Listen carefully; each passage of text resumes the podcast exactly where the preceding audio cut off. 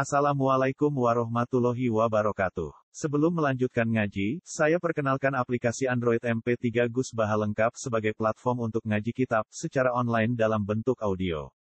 Aplikasi ini berisi berbagai kajian kitab kuning dari Kiai Haji Ahmad Bahaudin Nur Salim. Silahkan download aplikasi MP3 Gus Baha lengkap di Google Play Store. Link download ada di deskripsi. Wassalamualaikum warahmatullahi wabarakatuh. Bismillahirrahmanirrahim. Wa yaquluna Wa yaquluna mata hadzal wa'du in kuntum shadiqin Ma yanzuruna illa sayhatan wahidatan ta'khuduhum wa hum yakhisimun Wa yaquluna lan padha ngucap sapa kufar? Ngucap nuntut maksudnya mata iku kapan hadal wa'du? Tawi ikilah janji bil baksi kelan anane tangi sangka kubur Ing kuntum lamun ana sira kabeh sadikina iku wong sing bener kabeh fihi fil wa'di bil ba'si. Kala dawuh sapa Allah taala ma yang na illa sayhata wahida.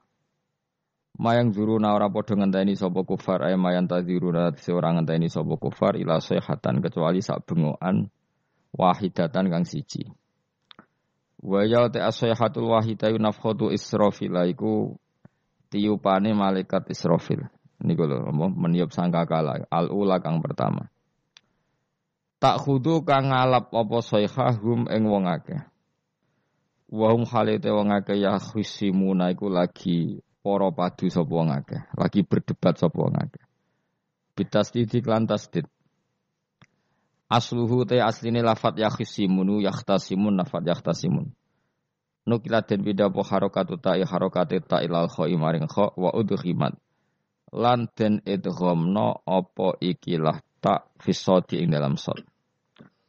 Ewa hum tegese utawa wong akeh fi ghaflatin ing dalam lali anha saking ikilah soiha. Bita khosumin kelan tukaran para padu maksudnya wata bayu dan jual beli wa aklen lan mangan wa subren lan ngombe wa khairi dalika lan ing dalam mengkono-mengkono kabeh. Wa fi qiraatin yakhsimuna kaya dribuna ku nafat ya tribun. Ayak simu dikse madoni sobat dum sebagian wong akeh badon sebagian sing liya. Fala stati unam ora padha kuwasa sapa ngakeh tausiatan ing ngekeki wasiat. Ai ayusu dikse ora kober ento paring wasiat sapa ngakeh wala ila ahlim. Lan ora maring keluargane wong akeh yarjiuna bali sapa ngakeh min aswakihim saking pasar-pasare wong akeh wa asghalihim lan kesibukan-kesibukane wong akeh. Mesti kiamat itu wong neng pasar ora kok bermula sekali terjadi langsung kiamat maksudnya. Bal mutuna balik mati sapa ngakeh fiha ing dalam sayha. Wa nufikharan den tiup apa fisuri ing dalam sangkakala. Wa ti asuru qarnun nafkhati saniyah iku sangka kalane tiupane bengokan sing kedua. Lil baksi krana tangi saka kubur. Wa bena nafkhata ini lan iku ing atarsian dua tiupan arbauna te patang pula pane sanatan taune. Jadi tiupan pertama wong sak dunya mati, tiupan kedua ditangekno kabeh. Nah, antara keduanya niku jarake 40 napa tahun. Faidan mengko nalikane mengkono, hum ute wong akeh el makburu tegese wong sing dikubur kabeh. Minal ajdasi sang pira-pira kuburan ayil kuburi tegese pira-pira kuburan ila rabbihim. Maring pengirane wong akeh yan siluna metu sapa wong akeh. Ya khurujuna tegese metu sapa wong akeh bisuratin kelan cepet. Kalu padha ngucap sapa ngakeh il kufaru tegese wong kafir minhum sangking ikilah para manusa. Ngucape ya wailana.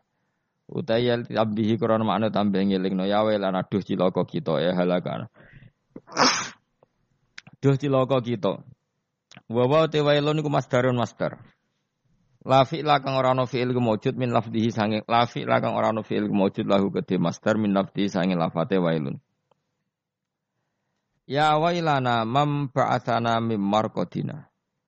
Man tai sapa iku ba'atsana ngene sapa mana ing kita mim marqadina saking turu kita. Li anahum krana sak temen ngake kanu ana sapa ngake bena nafkhota ini antarane tiupan loro na imina turu kabeh. Kami ada pura den siksa sapa ngake. Terus hada ma wa'atar rahman. Hada utawi iki il ba'du tegese anane tangi sangka kubur ma perkara ai ladi tegese perkara. Wa ada ingkang janjekno sop bihi ing ladi sapa Ar-Rahmanu Allah sing Rahman wa sadaqalan bener fi ing dalam ladi sapa al-mursaluna biro-biro para nabi. Akor padha ikrar sapa wong akeh final yang faus kirane ora manfaat ing wong akeh pak ikrar ikrar. Wakila lan den ucapno pengene yuqalu lahum dalik. Yuqalu den ucapno lahum maring kufar apa dalika dawuh hadza ma wa'ada rahman wa sadaqal mursalun. Ing kanat ora ana utawi iki kejadian iku ila sehatan kecuali bengokan wahidate yang suci. Faidan mongko nalikane ngono gum te wong akeh jamiun utai sekabehane kabeh ladena ana ing sanding ingsun. Indana tegese sanding ingsun mukhduruna den hadirna kabeh. Fal yauma mongko ing dalam iki dina la tuzlamu raden ngani ngoyo apa nafsu nawawaan sean babar pisan. Saat itu enggak ada orang yang terdolimi sama sekali. Wala tuzzauna lan ora den wales sapa Fal yauma la tuzlamu nafsun say'a wala tuzzauna lan ora den wales sapa kabeh sira kabeh utawa nafsun kabeh. Ora den wales sira kabeh illa ma kuntum ai illa jazaa'uma kecuali piwalese perkara kuntum kang ana sira kabeh iku tak malu naiku nglakoni sira kabeh. Inna ashabal jannati saat temne pira-pira penduduk swarga al yauma ing dalam iki dina iku fi syughulin ing dalam kesibukan. Sub fi sukunil ghin klan sukunil ghin syughlin wa dhammiha lan dhammai ghin amma saing perkara fihi kang iku ing dalem ma ahli nari utawi penduduk neraka. Jadi penduduk surga punya kesibukan sendiri yang beda dengan nasib yang dialami ahli neraka. Mimma sing perkara ya daduna kang rasa enak sapa ahli jannah fihi ing dalem makaf didodil abkari kok dene ngumpuli pira-pira prawan. La syughla.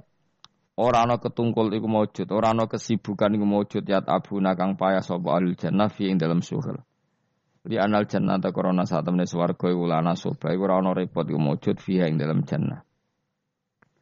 Penduduk swarga sibuk dalam kenikmatan, fakihuna tur enak-enakan kabeh, naimuna tegese nikmat-nikmat kabeh. Khobarun sanu te dawu fakihun dadi khobar sing kedua li inna kedua inna. Wal awalu te khobar sing awalu fi syuhulin iku lafat syuhulin. Dadi inna ashabal jannati fi syuhulin ing dalam kesih bukan fakihuna tur iku seneng kabeh. Dadi suhulin pertama khobar fakihuna napa? Khobar kedua kedua. Hum wa azwajuhum fi zilalin alal aro iki muttaqiyun. Hum utai penduduk swarga, utai dawuh hum iku mubtadaun mubtada. Wa azwajuhum lan pasangan-pasangane ahlul jannah fi zilalin iku ing dalam iyup-iyupan. Jam udzullatin utai lafadz dilal jam lafadzullah. Au dzillin tu jama' lafadz dzillin. Utai dawu fi dzilalin khobarun dadi khobar. Ela tusibu tegese ora mekenani ing wong akeh apa asam susrengenge la tusibum apa asam susrengenge. Alal aro iki kang ing atase pira-pira padi-padi iku ana namane padi-padi. Jamu arikatin iku jamak wawa utawi arikah utawa wawa utawi iki iku asariru iku ranjam fil hajalati ing dalam hajalah. Hajalah itu maknane padi-padi sing dienggo nganten niku. Iku ana apa cara mriki. Hajalah pokoknya mereka dalam kemewahan ibarat napa penganten itu. Awil furusi utawa nikmat ing dalam permadani fiha fil jannah. Mutaqiuna khale tunggu santai kabeh. Khobarun sani. Te lafat mutaqiuna khobar kedua. Muta'alikun kang dita'alukno muta'alliku ala kang dadi muta'ala muta'allaku ala kang dadi ta'aluke lafat ala. Maksudnya ngeten, mereka lungguh santai, lungguh santai alal aro iki. Jadi unai, jadi muta'alake lafat nopo alal aro iki. Mereka duduk santai alal aro iki. Lahum tetap ketui penduduk swargo fiha ing dalam jannah fagiatun untuk keenak-enakan. Walahum lan iku tetep kedhe ahli jannah fiha ing dalam jannah mau te apa wae ya dauna kang angen-angen sapa ngake. Jadi penduduk swarga angen-angen apa saja kesampaian. Ya taman nauna tegese kang angen-angen sapa ahlul jannah. Dan ini sing penting salamun qaulam mirrabbir rahim. Salamun utawi nopo kalimat salam utawi pernyataan selamat mubtada untuk dapat salam mubtada. Kawalan Khalid den ucapno bil kawali tegese den ucapno utawi khobaruhu kang utawi khobare salam mirrabbir rahim saking pangeran kang akeh welase bihim kelan ahli jannah. Ayakulu tekse dawuh sapa Allah lahum maring ahlul jannah salamun alaikum rupane dawuh salamun alaikum. Ini cerita-cerita sing gampang-gampang guys. Nah sampean kepengen paham ilmu swarga kok ora rasane napa. Kok angel menerangno. Pokoke ning swarga iku kepenak napa? Kepenak. Tapi sama nak terang no, swarga niku yes, yes pokoknya swarga. Serau sabah yang nomor swarga, dimulai saat niki. Ya nak Ya khisimun ngeten wae kan e, ketika terjadi kiamat niku tak khuduhum wahum khisimun. Jadi manusia itu takdir itu seneng tukaran. Karena tadi ya, sengketa yang mari tukaran, pendapat baik yang masih nyari yang terbaik, sama-sama kebenaran nyari yang paling benar. Karena manusia itu dari awal kurang penggawean. Jadi barang apik cek no dengan yang luwih nopo apik. Sehingga bayangannya pangeran itu sok nak kiamat kapan saja terjadi ku wong lagi sibuk poro padu, lagi sibuk gege gegeran. Wes iku wis mesti. Karena tadi manusa niku pun watak watak dasare niku konflik. Ya tadi misalnya pengurus masjid bahkan mungkin organisasi-organisasi perdamaian itu pas rapat ya tukaran. Padahal organisasi ini perdamaian. Ya, tapi pas rapat, lalu solusinya apa?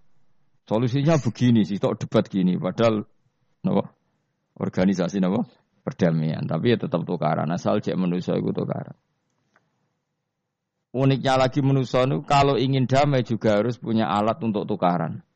Nah orang ya tidak tidak. Lalu kalau nanti ngaji kitab dalam satu salah satu kitab ada makalah gini. Ida arot ta'asulha fasta'id dalil harbi. Kalau kamu ingin damai, maka siapkan alat perang sebanyak mungkin. Karena logikanya gini ya, kalau misalnya ada bajingan atau penjahat, dia punya bom, punya pedang, terus kamu sebagai orang soleh tidak punya apa-apa, bisa nggak bergening perdamaian? Kan nggak bisa. Mereka terpaksa damai karena kamu punya senjata yang imbang. Jadi kalau musuh kamu punya nuklir terus kayak gak punya apa-apa, ayo damai wae. Kono kan rugi damai. Wong tak bom kena kok damai barang kan itu. Makanya kamu harus punya senjata yang imbang. Makanya dalam tafsir-tafsir itu diterangkan ketika Allah menyuruh kita wa itu lahum mastata'tum min quwwati wa min ribatil khaili turhibu nabi adu Allah. Kamu-kamu umat Islam harus menyediakan alat perang sebanyak mungkin. Itu bukan berarti Allah menyuruh umat Islam perang terus buatan. Dalam keadaan dunia yang banyak gesekan seperti ini, orang itu bisa damai justru kalau sama-sama punya senjata. Dan itu teori itu dipakai seluruh dunia. Sekamane cara sing didelok wong akeh sing ora jare. Misalnya Amerika kan terkenal dikjaya, Korea Utara ben dirgani Amerika kudu gawe senjata sebanyak-banyaknya. Ya sudah seperti itu, itu sudah teori yang dikatakan Quran. Mata dolim itu nak ora di napa nak ora diimbangi ya mesti yang satu diinjek diinjek-injek. Makanya dalam fikih Islam itu lucu. Fikih rodok jorok tapi gelem ra gelem kayak kudu setuju. Ya cara fikih itu kayak dibujo ayu cek elek. Nak ra gelem mbok kumpuli ra wajib nafakoi. Jadi kono iso ngancam gak buka duit ra takai. Ajane rodok jorok fikih. Itu cara fikih memang gitu. Perempuan itu tidak wajib melayani suaminya jika tidak dikasih nafkah. Lalu lucunya fakir yang merovokasi sing lanang. Dan wong lanang ra wajib nafkahi nek ra dikai iku wis ora usah terangno. Jadi fakir itu karena ngikuti teori umum. Makanya Mbah Mun itu fakir kata beliau itu, aku mbak fakir ini kira cocok. Aku apa mau omah tapi dagangan perkara itu. tapi memang secara prosedur fakir gitu. Mana wong kiri-kiri itu pancen wis untuk jatah kelon karena ra iso nafakoi gitu. itu cara pakai. Memang memang seperti itu. Karena kiri kok pola, no? Kiri kok pola. Kalau nak kiri kudu ganteng. Jadi orang untuk jatah sing wedok sing seneng lah itu ijek untuk jatah. Tapi nak wis kiri elek ya wis nelongso perkarane memang jadi karena seorang istri wajib melayani suaminya jika tidak kodak nafakoi. Bahkan menurut fakih Islam itu boleh rafa. Jadi oleh rafanya hakim. Pak hakim suami saya kiri itu boleh. Dan itu bisa diceraikan oleh siapa? Hakim. Jadi rafa. Karena tadi manusia itu yakhisimun apa? Di mental konflik. Dan mental konflik itu tidak dihilangkan Allah sama sekali kecuali nanti setelah di surga. Makanya Allah ngendikan apa? Wa naza'na ma fi sudurihim min.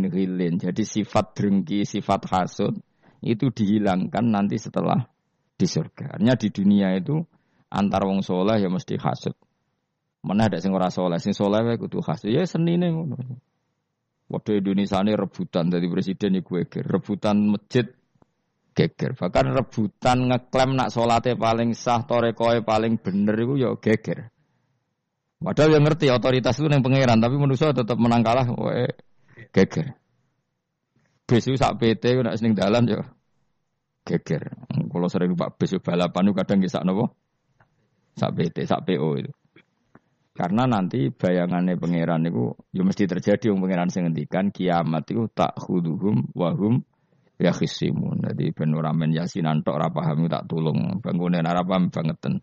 Wa hum fi ghaflatin minha bitakhosumin wa tabayu'in wa aklin wasyubin. Mesti manusia itu di mental takhosum saling berebut. Makanya cita-citanya si Ali, dawe si Ali, Ana awaluman yat subena yadayi rohmanil khusumah dari si Ali. Saya nanti pertama ketemu pangeran itu akan melaporkan musuh-musuh saya. Jadi cita-cita ini ini. Aku lah di rencana ngono. Aku lah di seru, no? Jebule bareng lapor ku ala wahyo nyoro. Sidina Ali beda wae anak gue wis lapor jebule. Salah. Karena apa? Ya itu tadi. Menuso itu wis pokoke ngono. Pertama menuso itu Nabi Adam. Iku ya wis geger mek malaikat. Dari pangeran Adamu khalifah, dari malaikat khalifah kok menuso mesti seneng geger. Tapi malaikat protes itu ya geger dhewe. Pangeran sing duwe kawula kok ngangkat digegeri. Jadi pangeran ra trimo. Lu ngaku sing duwe makhluk gawe aturan kok mbok gegeri. Iku pangeran. Jadi menuso pertama itu seribet. Pertama ribet be malaikat. Bareng kobil be habil ya ribet be dulur. Mulai dhisik perkara wedoan. Jadi sekunane kunong wedok mari ribet. Kalau nong wedok tambah ribet. Semoga dunia aku ribet tes dinikmati wae no? Dinikmati. Makanya banyak orang top itu. Kalau punya punya kenalan banyak orang top. Ini ribet itu di manage. Jadi ada salah satu tokoh Indonesia itu terkenal sekali. Nak pidato ra kontroversi ra iso turu, tapi nak wis pidato wong bingung kabeh iso turu.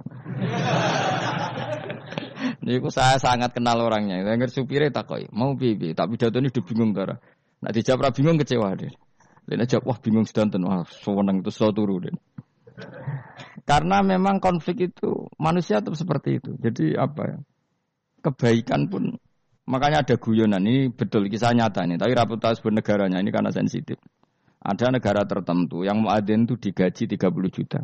Jadi orang orang melarat ini muadzin tok itu 30 juta. Naiknya BMW. Imamnya itu digaji 70 juta.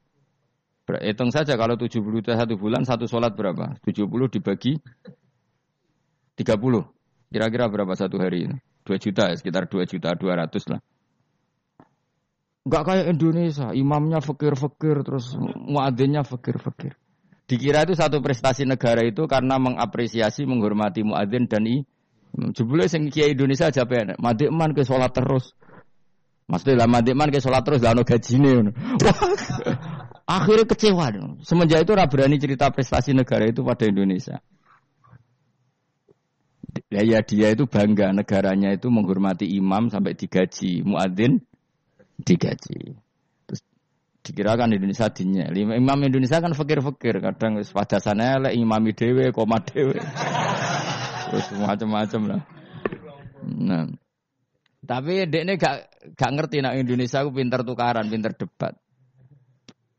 Oh, berarti ke sholat terus itu perkara gaji ini tuh. Makanya imam di sana sergap-sergap karena kalau nggak ngimami dipotong gaji. Semenjak itu negara itu nggak pernah cerita prestasinya negaranya mengelola imam. Nah itu dunia-dunia kemarin geger. Saya sering debat sama banyak kiai karena itu. Kue setuju di masjid imami digaji sama ndak misalnya. Misalnya saya partai ikhlas, setuju ndak biar imami itu ikhlas. Ada yang partai realistis, mereka kan punya keluarga, harus dibaji dong, kalau enggak kasihan. Partai realistis versus partai ikhlas. Menang mana coba? Menurut hukumnya Allah mungkin menang ikhlas, tapi partai realistis, masuk uang kok ngimami tok rantuk gaji. Artinya apa? Dalam kebenaran saja bisa diperdebatkan, apalagi barang benar baik batil. Karena manusia itu punya mental wahum yakhisimun. Ya sudah seperti itu. Makanya nanti benar-benar gak ada konflik itu di akhirat. Mulai akhirnya imam gak bangga. Surga ngimami wong sana hebat nih boleh mergo digaji. Mandi man ke sholat terus wong gaji ini. Artinya sholatnya orang Indonesia itu luar biasa. Imam-imam Indonesia tanpa gaji kok. Ya resikonya kadang mutung. Itu kan gak masalah. tapi ya gak masalah lah. Tapi tetap ikhlas di bang kenapa? Gaji. Mana kalau nunggu bingung saya hafid mulai digaji, ustad digaji, kalau nunggu bingung ngerti takoi, kalau berkali-kali beberapa pemprov kan ingin mengapresiasi hafid dapat insentif terus ustad, kalau ngerti takoi, jenengan termasuk yang setuju apa enggak?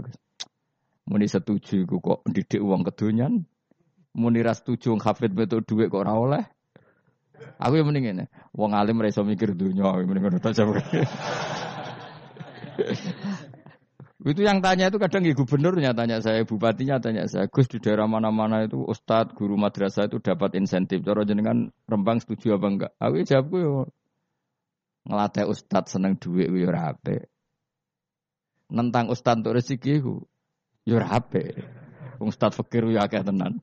Nah, kalau kan wong keramat, gak mati gak mati masalah cara orang untuk gaji. Tapi kan tidak semua orang keramat. Nah, kalau wong keramat untuk gaji, untuk gaji tetap gagal. Tapi rata-rata ustadz kan tidak keramat. Gak keramat, bujune cerewet. Cek kumpul mertua. Ndak kalau sampean misalnya jadi ndak ini cerita wakisimun. Seman setuju enggak kalau ada hafid itu dapat insentif?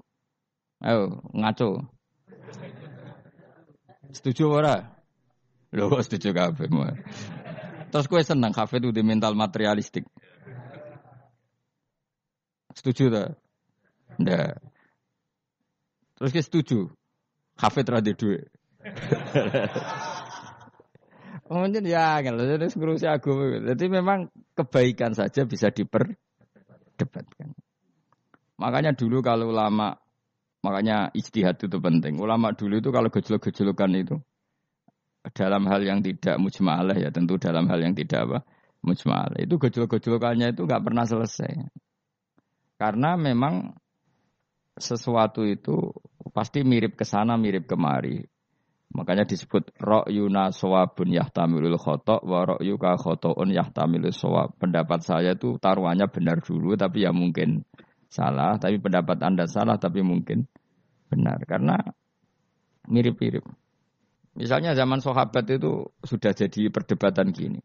Setelah Mekah ditalokkan Rasulullah dan setelah Rasulullah wafat, dan Islam sangat-sangat kuasa, bukan sekedar kuasa lagi sangat kuasa. Paling enggak menguasai Mekah Medina. Itu perdebatannya gini. Kita keluar Medina apa enggak? Sebagian sahabat, enggak kita di Medina, ini ardu Rasulillah, ini muhajaru Rasulillah, tempat yang dipakai hijrah Nabi.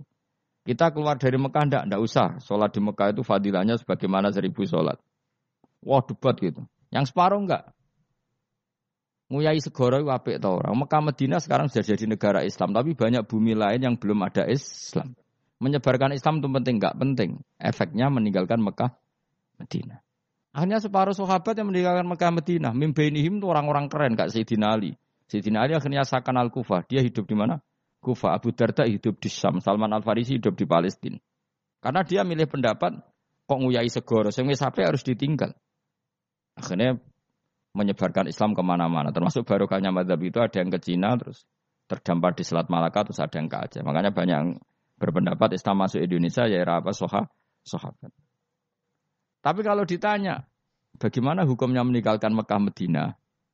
Ya buruk, negara sebaik itu kok ditinggalkan. Tapi bagaimana hukumnya membiarkan bumi lain tanpa dai? Ya buruk. Terus kayak jawabmu biar. Jadi dalam kebaikan saja ada perdebatan. Kayak gue lah misalnya, dia hukum dolan mbek konco traktir ya ape. Piye hukume neraktir konco nganggo jatah belanjane bojo? Elek. Akhirnya jari wong lanang-lanang, jono dhewe Gus ono jatah bojo atau jatah konco. Karena duitmu cukup nak ora. Ya itu udah semua manusia itu wahum yakhisimun. Makanya Sampean kalau beda pendapat itu sing biasa wae. Joko wong saiki kan beda pendapat geger. Beda pendapat itu sudah fitrah. Enggak mungkin lah. Kita ada beda pendapat itu enggak mungkin. Di kampung-kampung kalau ada masjid speaker di mana-mana saya sering ditanya. Wadah yang progus. Kandani nak adan juga banter-banter, mengerameni tonggo. Nak niat sholat rasa adan nak isteko. Bar. Sing sitok. Sing sitok, yo ora kudu banter ben siar. Sing sitok, Mau sedemen dipisoi tok, mereka sing ora seneng malah mau misoi tok, sing wis seneng tanpa adzan pun yo tanpa adzan rame-rame maksudnya wes salat ke milih ndi.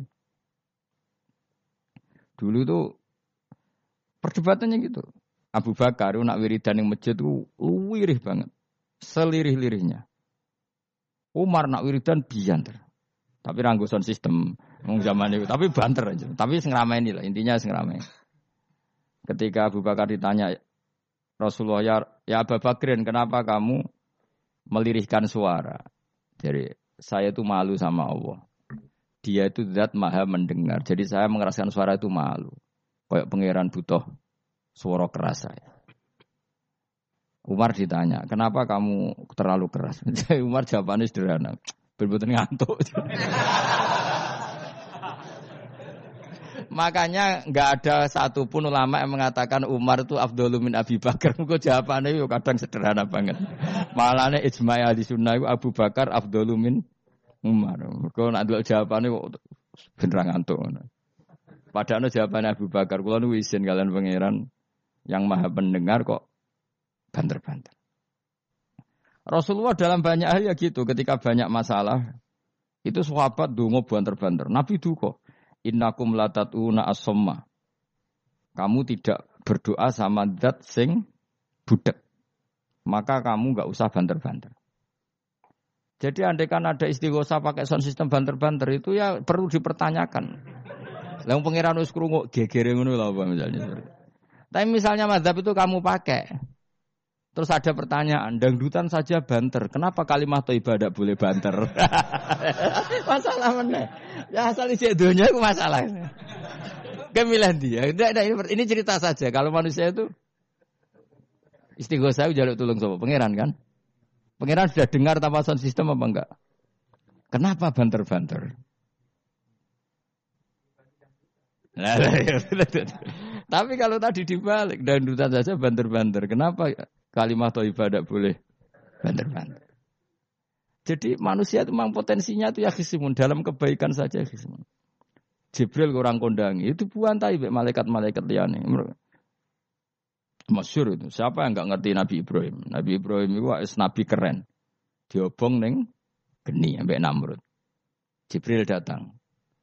E, saya utusan Tuhanmu. Melihat kamu mau dibakar simpati. Nah, terus biye jari, jari Nabi Ibrahim. Yo nak gue juk tolong tak tolong ya. Eh, ndak saya ndak minta tolong sama kamu. Wong kowe podo, aku podo makhluk e. Kena wani ngomong ngono Jibril. Nabi Ibrahim santai. Maksudnya aku rabe aku sing nulung, kue kondo aku tak no pangeran. Jare malaikat Jibril, jare Nabi Ibrahim, lo nak soal pangeran rasa kondo kue pirsa. Artinya ngene, lho podo kekasih pangeran ya bantah-bantahan aja nih, maksudnya. Nah ngono nang partai politik orang men geger Mana ana partai politik geger biasa, wong Jibril wae geger mek Nabi sinten. Ibrahim biasa wae. Mana ke sampeyan takoki mungkar nangkir kudu wani ben ben seru napa? Takoki buka, kula guru TPQ. Ngenyek wong guru TPQ jadi takoki buka. Sing mulang niku kula. Sampean ra tau mulang malah takok. eh, jelas. Eh, malah Ben itu masyur itu, termasuk keramatnya Imam Malik itu gitu. Dia itu punya temen guru madrasah. Neng akhirat kok imu kan akhir marbuka. Malaikat Malik matur pangeran Gusti. Malaikat jinan kandhani iki ambek guru tauhid takoki marbuka. Akhirnya pangeran yang nyalano malaikat yo sing jenis ngono iku coba takoki. Lucu tuh guru tauhid takoki. Sesuai kaji Nabi bisa takoki waman Nabi juga. Malah perkara Kaji Nabi Muhammad terus takoki waman. Iya, tapi aku Nabi malah takoki waman Nabi. Makanya menurut pendapatnya ulama-ulama itu eh, pertanyaan mungkar nakir itu tidak bisa digeneralisir. Tidak semua orang ngalami itu. Saya tidak punya rencana untuk mengalami pertanyaan itu. Karena pasti bila-bila. Nah, angger wong ngono kanjeng Nabi kena pisan. Terus kanjeng Nabi apa kena pertanyaan waman Nabi juga. Kan ya ora kebayang. Makanya masyur itu. Uh, sama lihat di kitab Nurul Dolam itu karangannya Syekh Nawawi. Syekh Nawawi Al Bandani itu sarahnya apa itu Akidatul Awal. Yang Nurul Dolam yang sarahnya apa? Akidatul Awam itu. Itu di karang Syekh Nawawi. Itu di antara keramatnya siapa itu? Sayyidina Umar. Sayyidina Ali itu pernah minta ya Allah beri saya kasaf mukasafah mau kepengen roh meletene Umar. Zaman ning dunia ngeruang disentai. Jajal dekne iku hubungane piye mbek mungkar nakir? Wani gak nyentak mungkar nakir. Mergo pikirane Sidina Ali Umar tuh ning dunia kenangannya yang wong tau disentak Umar. Jake wani gak nyentak sinten? Mungkar nakir minta sama Allah supaya ngalami kasaf kasaf itu ya ya mukasafa lah mukasafa tahu alam gaib itu di dunia wali biasa nak kira tahu ya bangetan di dunia wali itu biasa dan itu pasti mustajab mukasafan. Umar mati kabundut terus ditunggu nih minta kasaf. Tawanan. Umar tangi turu tangi ke kuburan nih sewante. Maka akhir teko dengan wajah yang sangat mengerikan. Mesti dinali no wajahnya itu kal kidril kali kaya ompreng sing apa nyala. Wes pokoke seru. Wah, tidak dinali kalah iki kiok rasane kiok. Ternyata apa? Buar muka akhir pacak kono Umar ngupatek. Kamu tahu kamu ngedapi siapa kamu? Saya ini teman dekatnya kekasihnya Allah. Ada ini nggak ada kancane. kamu tahu saya ini siapa? Ana sohibu habibillah. Saya ini temannya kekasihnya Allah. Muka nakir mulai mikir, waduh, piye. Orang nyentak wes disentak sih. Ini bisa kamu pakai nanti nanti. Kowe roh aku. Wah, aku biasa gue jalalan ngalor idul. Jebule jare mau kanak, ayo jajal waca. ya repot. Siapa ya? Kan gue tok, ora kon maca. kan mau gue tok. Akhir karena akhir nangis nih pangeran. Nangis Gusti, selama ini saya biasa nyentak, kenapa sekarang malah dibentak gitu. Terus kata Allah, Ya sing sopan sithik iku konco. Semenjak iku mungkar nakir itu punya aturan. Ya yes, ngene aturane, ojo prosedur teman-teman wae nak ketemu kekasihku ojo garang teman-teman. Semenjak iku sudah ada ndak segarang itu. Terus Sayyidina Ali intinya terus oh ternyata konsisten. Maksudnya Umar itu ning akhirat pun masih main sentak. Ya bagus lah konsisten maksudnya apa? Bagus.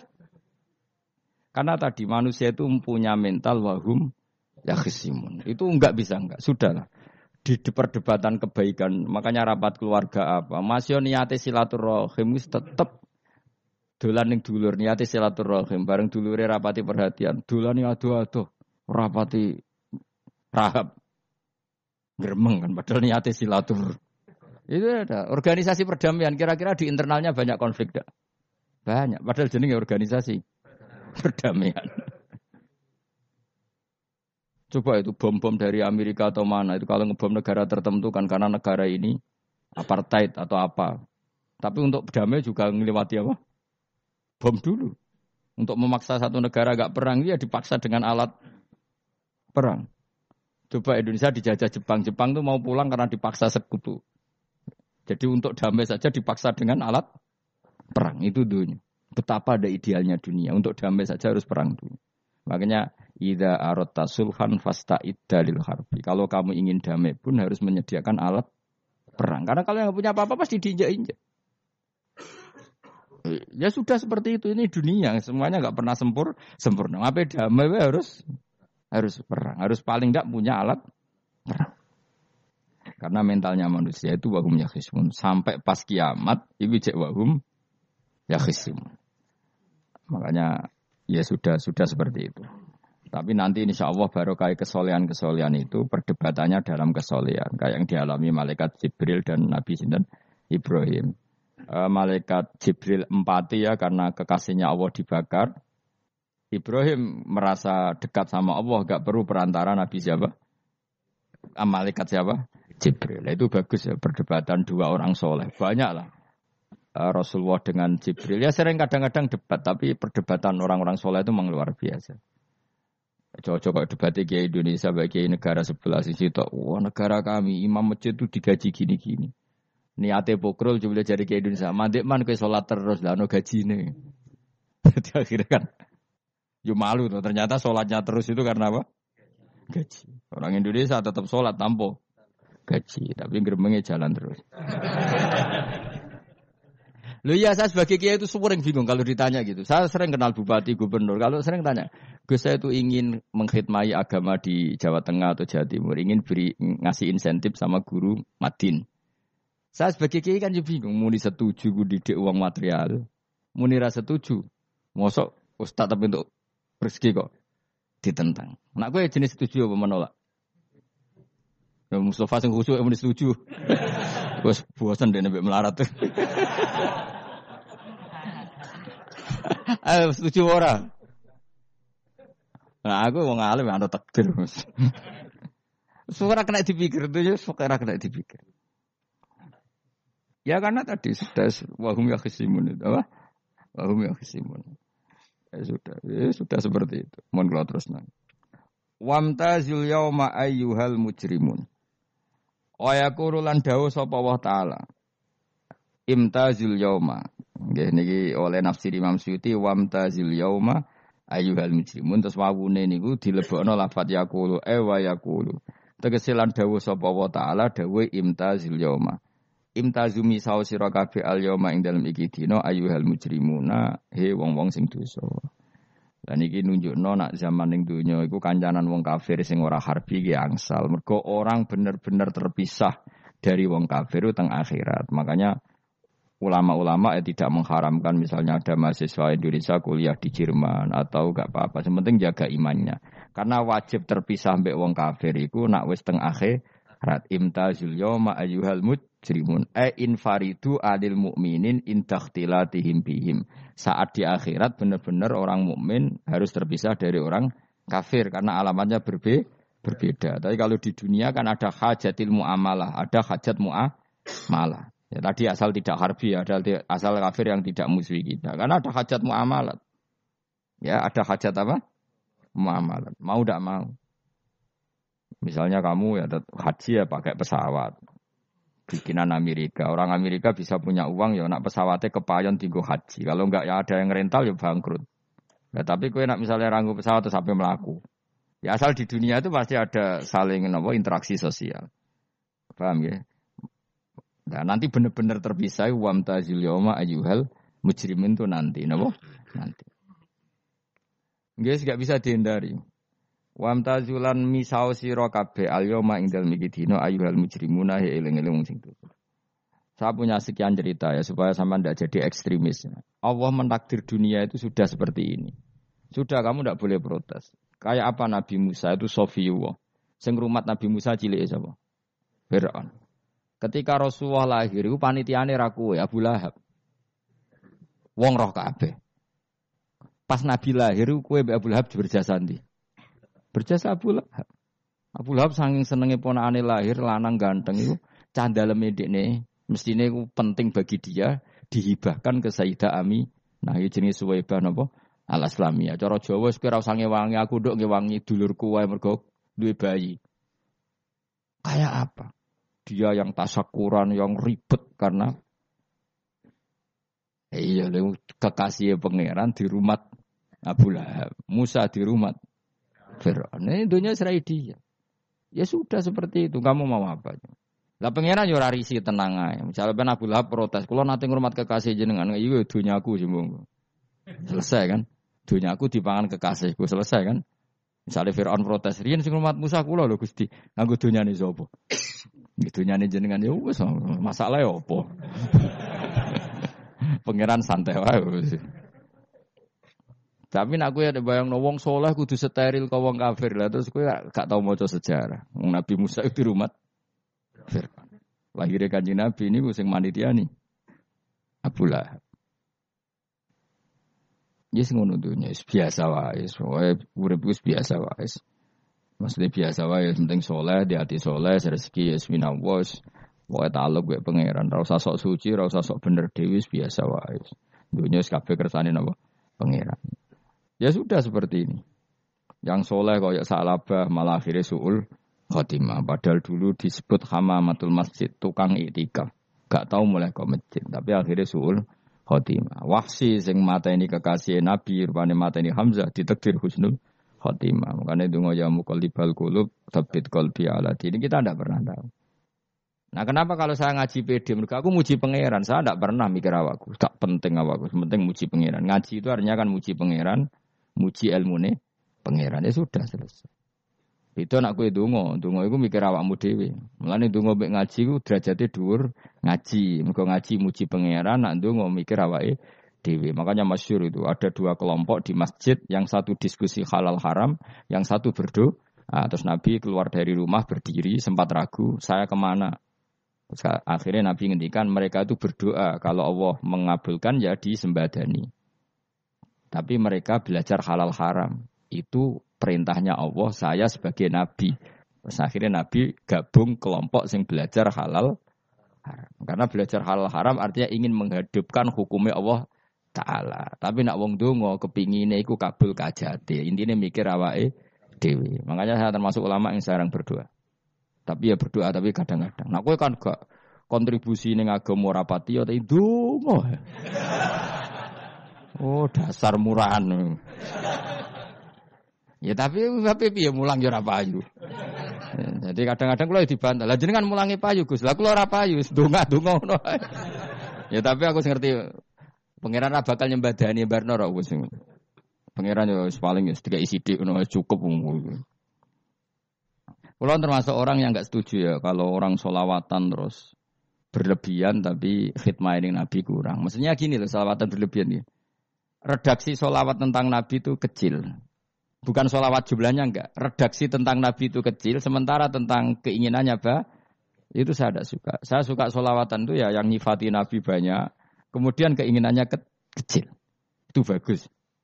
Kayak Ikhya itu, kayak Ikhya Abdul Hasan Asadili itu, kalau dongo itu jaluk emot swidik, paling baris paling terakhir. Misalnya gini, Nahmaduka ya man huwa wa la ilaha illa anta ar-rahmanur rahim itu langsung in sampai nyifati Allah itu 99. Buar ngono nganti berkuras-kuras.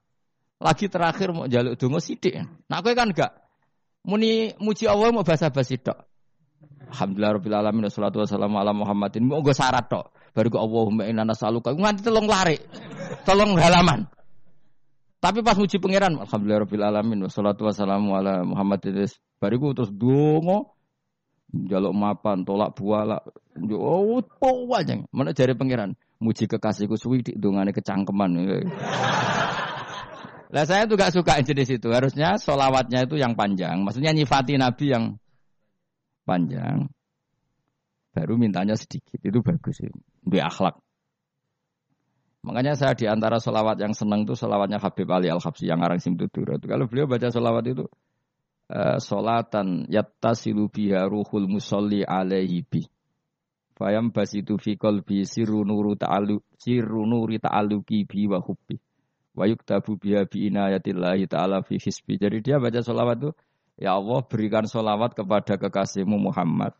Dengan solawat ini rohnya saya, musolli itu rohnya saya yang membaca solawat, bisa sambung dengan rohnya Rasulullah. Dan setelah sambung saya terhitung sebagai orang yang mencintai Rasulullah. Dan saya berharap dari cinta itu saya tertulis sebagai umatnya.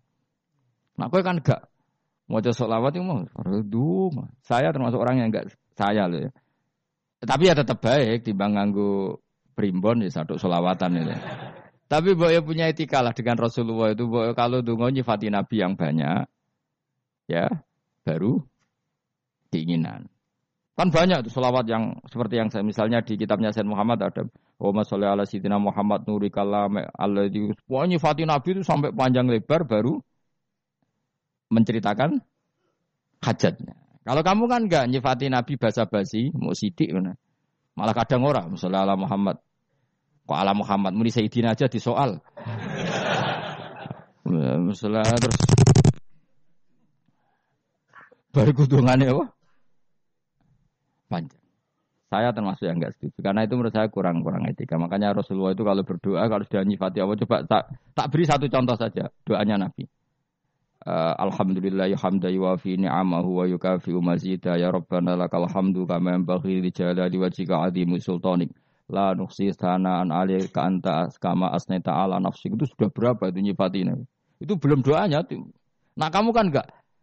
Allahumma Uh, Alhamdulillah Rabbil Alamin. Allahumma ya Allah di hajati gremeng itu seramu tuh kan jangan gak bakat wali nah cara kula iku sisen dene kula ya sering ngamini dongane wong ngono tapi ning atiku ning atiku amin maksudnya amin. Barno mau Gusti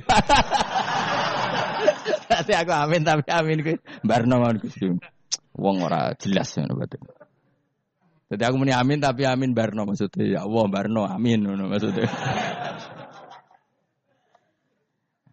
Jadi karena tadi setahu saya doanya para nabi, para wali itu memang seperti itu. Ya coba itu doa tadi aja yang saya, sebut itu berapa kalimatnya? Apa?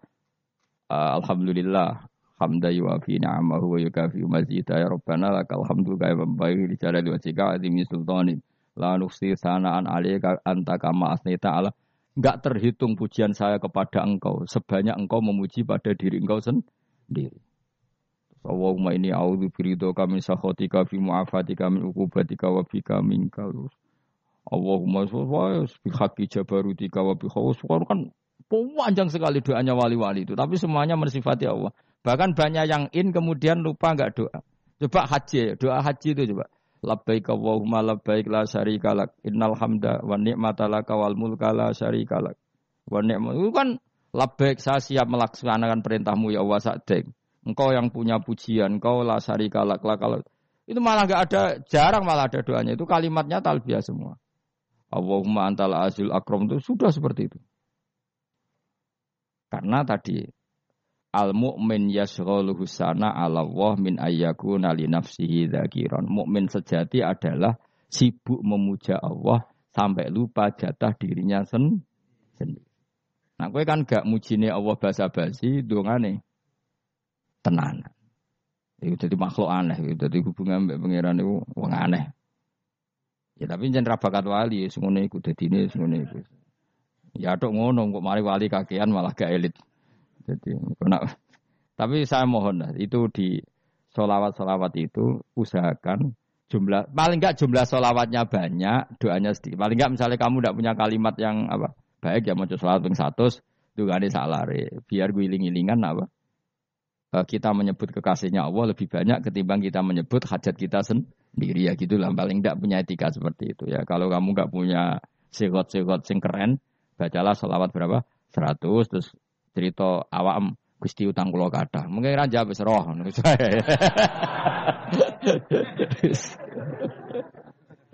Tapi kan kita menyebut kekasihnya sampai 100 nyebut utang bisa. No cowok nyebut kekasih bisa, nyebut utangi satu.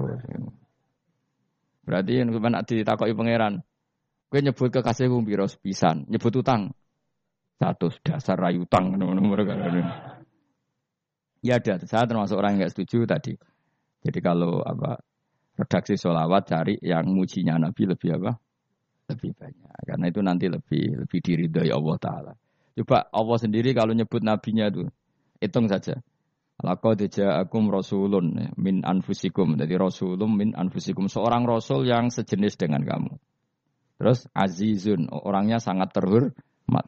Alaihi ma'anitum. Rasul ini siap menanggung apa yang kalian tidak mampu.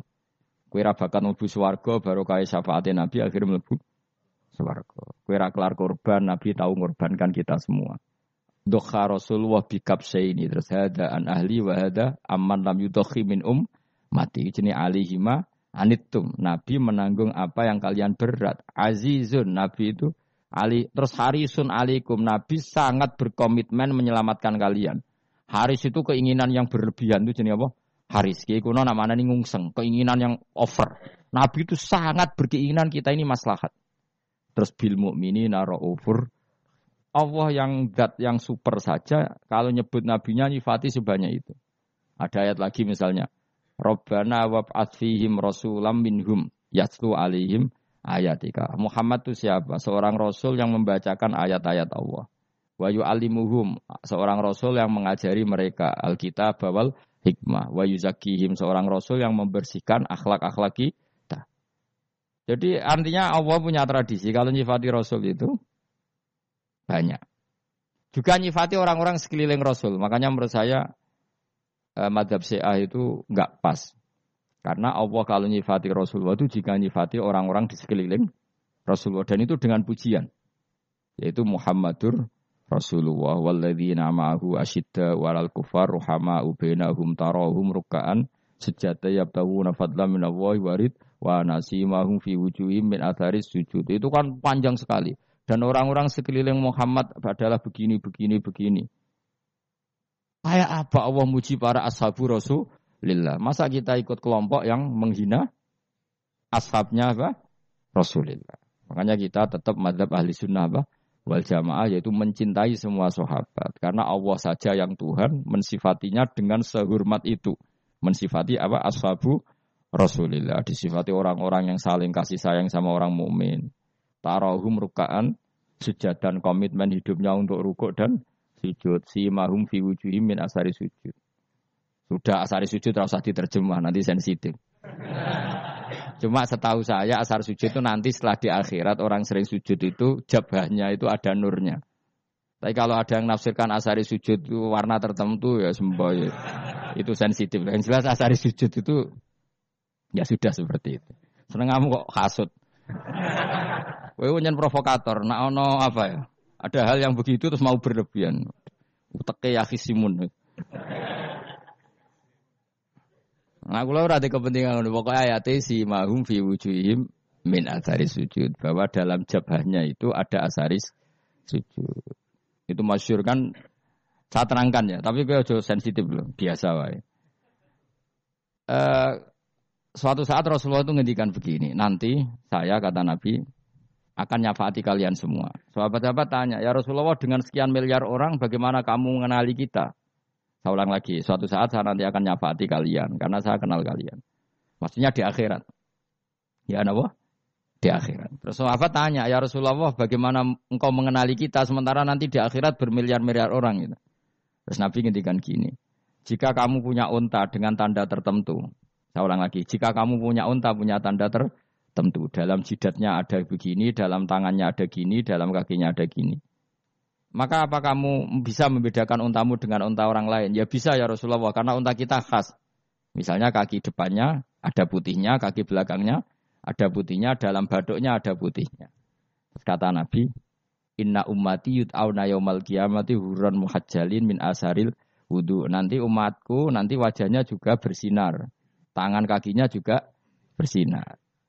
Jadi asar itu saya pastikan secara riwayat itu akhirat, maksudnya tentang akhirat. Tapi bahwa yang di dunia ada yang memulai asar itu gue monggo mawon. Loh itu bagus kan, artinya ekspresi, ekspresi percepatan. Tidak apa-apa loh daripada kok kue jelas ini. Gitu. Maksudnya ya orang ngetok, ya panjang jarang sujud tenan. Bu serasa sensitif, tapi yang jelas ya, ya nanti Ya sebenarnya kiamat ruang samu. Nanti hisab itu nanti kalau hitung hanya sekitar tiga jam. Hisabnya sak dunia itu hanya sekitar karena malaikat itu tidak kesulitan sama sekali. Tak warai ya. Ini nggak akan salah saya dalam hal ini karena riwayatnya sahihah. Kenapa hisab itu hanya butuh mau rubuun nahar seperempat dari siang enggak? Anggap saja siang itu 6 jam atau 12 jam itu aja terserah. Kalau 12 paruhnya kan 6 ya. Seperti seperempatnya berarti 3. Itu gini. Jadi nanti di mahsyar itu kan yaumatab jadu wujuh watas wadu wujuh. Yaudah yang kafir itu kelap, hilang. Wajahnya, tubuhnya semuanya gelap. Yang mukmin itu semuanya terang. Jadi sudah yang tas yadu wujuh atas wadu wujuh otomatis terus nyingkap. Terus pergerakannya itu delalah yang tab yadu wujuh itu ke kanan. Yang tas wadu wujuh ke kiri. Maka kamu jangan punya sinar yang kelap-kelip. Nanti kena bego yang Karena nggak jelas tadi. Maka kamu harus sinarnya yang sejelas-jelasnya. Ghurran muhajjalin min asaril. Bila perlu nur kamu sampai menembus langit saat itu. Makanya ketika orang mukmin sudah nurnya ada di muka, ada di tangan, masih ngendikan Robbana atmim lana nurona karena takut masih kena bigo tadi. Karena kalau hanya wudhu tok, sikil tok kan bayangkan di miliaran orang kan bisa agak kelihatan. Tapi kalau nurnya sampai nembus langit kan itu siapa kok nurnya sampai kan malaikat langsung tahu. Lani apal Quran, alim kan insya Allah nurnya itu. Sama zaman itu masih masih berdoa. Rodbana atmim lana sempurnakan nur kami. Karena nanti identifikasi malaikat berdasar tadi. Kalau ada nur berarti diletakkan ashabal yamin. Kalau nggak ada nur, ashabal siman. Nah malaikat yang dibawa bigo itu kira-kira detail gak? Dugaan saya kalau kelap-kelip pasti kena simal. Di, wah ini partai kiri mesti kan.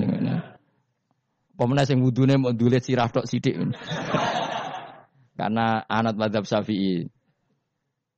Sebetulnya meskipun itu sah, sebaiknya kalau basuh sirah itu kabeh ben ora kelap kelip mana aneh. Mana aneh pepes terus dulat-dulit tok. Mau iku sok ya itu. Kelap kelip. Ya sudah ya. Setelah itu Kata ngendikane pangeran yu'raful mujrimu nabisi mahum fayukhadu bin nawasi wal akdam. Orang-orang pendosa kelihatan maka diletakkan di kiri. Nah sama yang orang-orang baik si mahum fi wujuhim min asari Jadi ayat itu jelas tentang akhirat. Tapi kira usah terus merovokasi. Seneng kamu kok ya khisimun. Maksudnya provokator. Jadi nanti yang yang mukmin jelas nurnya lah nur ini nanti dengan kadar iman kamu, perilaku kamu. Ada yang kelap-kelip, ada yang... Nah yang kelap-kelip ini orang kena bigo itu tadi. Nanti setelah kena bigo ikut ashabi simal, yang kelap-kelip disortir lagi. Malaikat yang bagian detail kan ada nanti. Nah ini terus ditubir neraka. Yang kafir benar-benar neraka, yang ini ditubir neraka. Nah itu nanti ini yang ngel-ngelok kanjeng Nabi digoleki ya ini itu.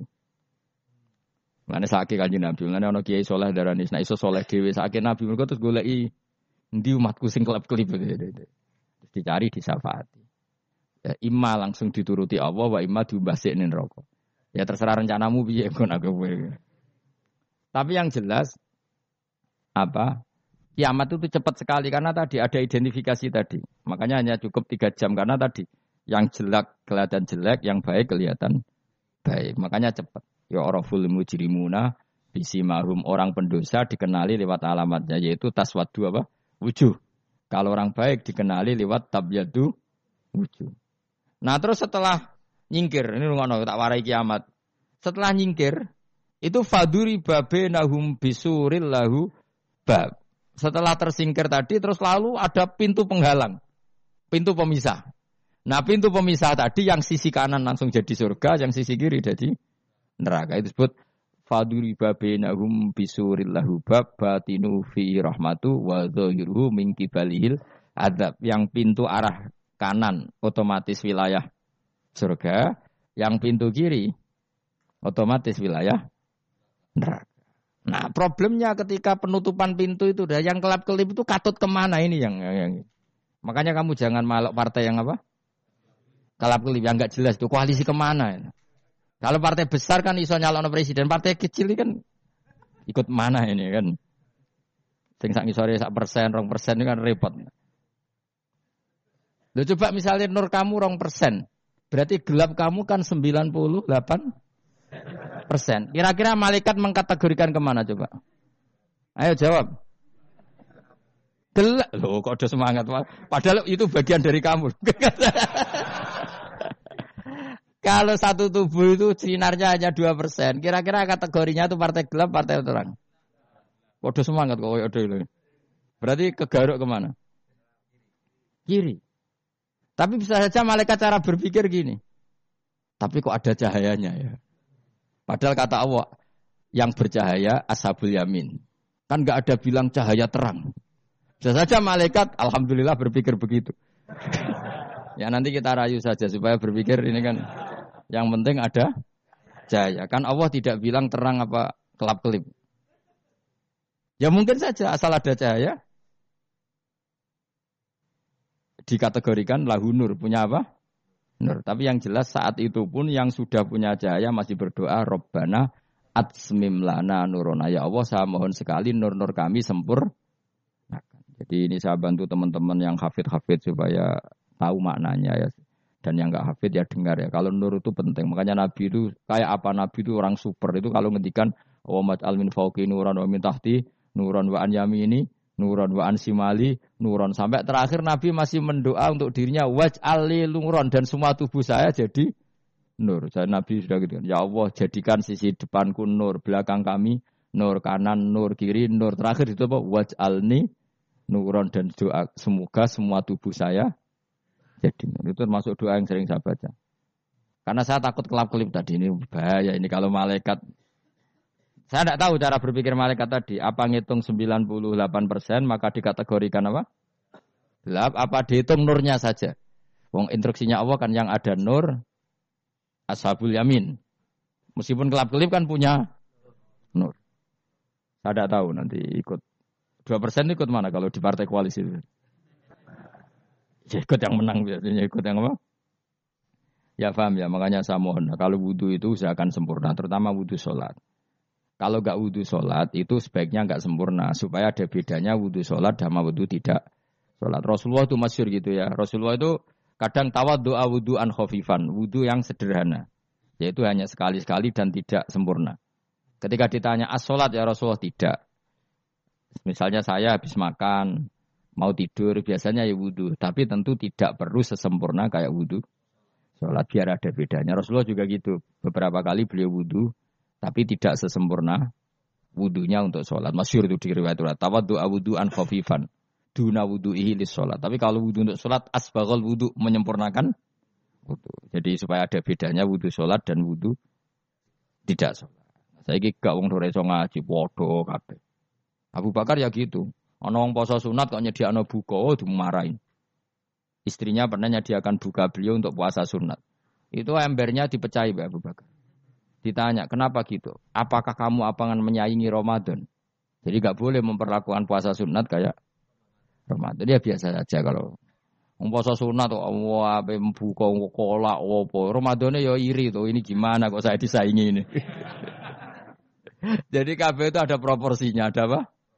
Makanya megang Quran ya wudhu, megang kamu wudhu. Nah kabeh gitaran terus wudhu, pengiran tersinggung. Piye kok menjegal gitar wudhu?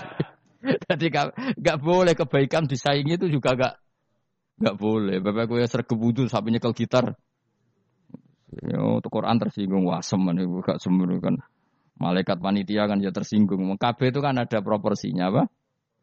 Ada proporsinya. Itu hebatnya Rasulullah. Jadi kalau beliau wudhu, bahkan wudhu itu wudhu li sholat sama tidak sholat itu. Misalnya sholat sunat. Sholat sunat tuh kamu mampu ngadeg boleh nggak duduk? Boleh. Kalau sholat fardu Nggak boleh biar ada bedanya. Fardu itu spesial, nggak boleh harus berdiri. Kalau sunat, sunat pun harus berdiri. Fardu tersinggung, piye sunat kok nyanyi aku kan gitu. Ya makanya sholat fardu wajib berdiri ya. Sholat sunat boleh duduk meskipun mampu loh ya. Nggak boleh sama. Sholat sunat pun harus berdiri. Berarti ada sunat menyaingi fardu. Ya jelas ya. Jadi aturan main itu harus jelas. Nggak boleh. Makanya Abu Bakar itu nggak mau kalau ada orang puasa sunat kemudian apa? Abdul bin Mas'ud lebih parah. Dia itu tukang nyuwepeng orang yang selalu sholat duha. Makanya saya itu duha itu jarang. Karena takut kena sweepingnya siapa? Abdul bin Mas'ud. Itu ada orang khusuk tiap hari duha di sweeping sama dia. Apakah kamu menjadikan sholat ini jadi fardu? Kok buat lakoni bedino? Awas nampak lakoni bedino. Di era akhir duha dilakoni bedino. Perkara ini butuh duit. Oh itu kalau zaman Abdul Mas'ud kena sweeping apa? Karena berarti menandingi far far. Yes, kira usah anut ilmu ku bahaya itu di sensitif. Cuma ini kan ilmu tetap tak utarakan. Biar kamu tahu, nggak boleh fardu disaingi itu nggak. Coba kan banyak ketentuannya tadi. Contoh paling gampang itu apa? Kalau sholat fardu boleh, nggak boleh apa? Duduk. Sholat sunat boleh duduk. Sholat sunat boleh di kendaraan sesuai jalannya kendaraan. Ayat nama tawajjahat bi rohilatu. Kalau sholat fardu, kalau kamu naik unta harus turun untuk memastikan di kiblat. Jadi banyak sholat sunat kamu dalam keadaan najis sudah tidak boleh dilakukan. Kalau sholat fardu, Karena saking pentingnya fardu meskipun dalam keadaan najis tidak menemukan alat sesuci harus tetap sholat. Jenenge sholat dihormatil waktu karena nggak boleh fardu ditinggalkan. Meskipun nanti harus iya dah. Karena nggak boleh mengalahkan fardu meskipun itu oleh najis. Jadi misalnya kamu pergi hanya bawa satu celana, kemudian di terminal atau apa kena najis, kena uyah sampean misalnya, kamu harus tetap wudhu dan sholat. Karena nggak boleh fardu ditinggalkan. Meskipun nanti harus iya dah karena sholat kamu tidak sem dalam keadaan celana kamu najis, boleh nggak sholat sunat? Oh nggak boleh. Karena kalau fardu itu darurat memang suatu yang harus maka dilaku dilakukan. Tapi kalau kamu dalam keadaan nggak suci nggak boleh melakukan sholat apa? Sunat. Karena fardu itu spesial apa? Spesial. Bukan kalau terus nanya. Wamtazul yauma ayyuhal mujrimun. Ya, jadi orang mujrimun harus terpisah dari orang apa? Mu mukmin dan yang keharusan itu ketika di surga. Tapi kalau di dunia ya boleh muamalah boleh. Ya muamalah yang halal maksudnya. Eh infaridu tegese misal sira kabeh ana mukminin asing prong mukmin intakhtilatihim. Nalikane campure kufar utawa al mujrimin bihi kelan al mukminin. Utawa rujuke mbok walik boten napa Maksudnya rujuk itu walik ya sami intakhtilatihim mukminin bihi kelan kufar atau kufar ning mukminin. Alam ahad ilaikum ya bani Adam. Alam ahad ana ta ora merentano ingsun ilaikum maring sira kabeh. Amurkum tegese ana ta ora merentano ingsun kum ing sira kabeh ya bani Adam ya bani Adam. Ala lisani rusuli ing atase lisane para utusan-utusan ingsun.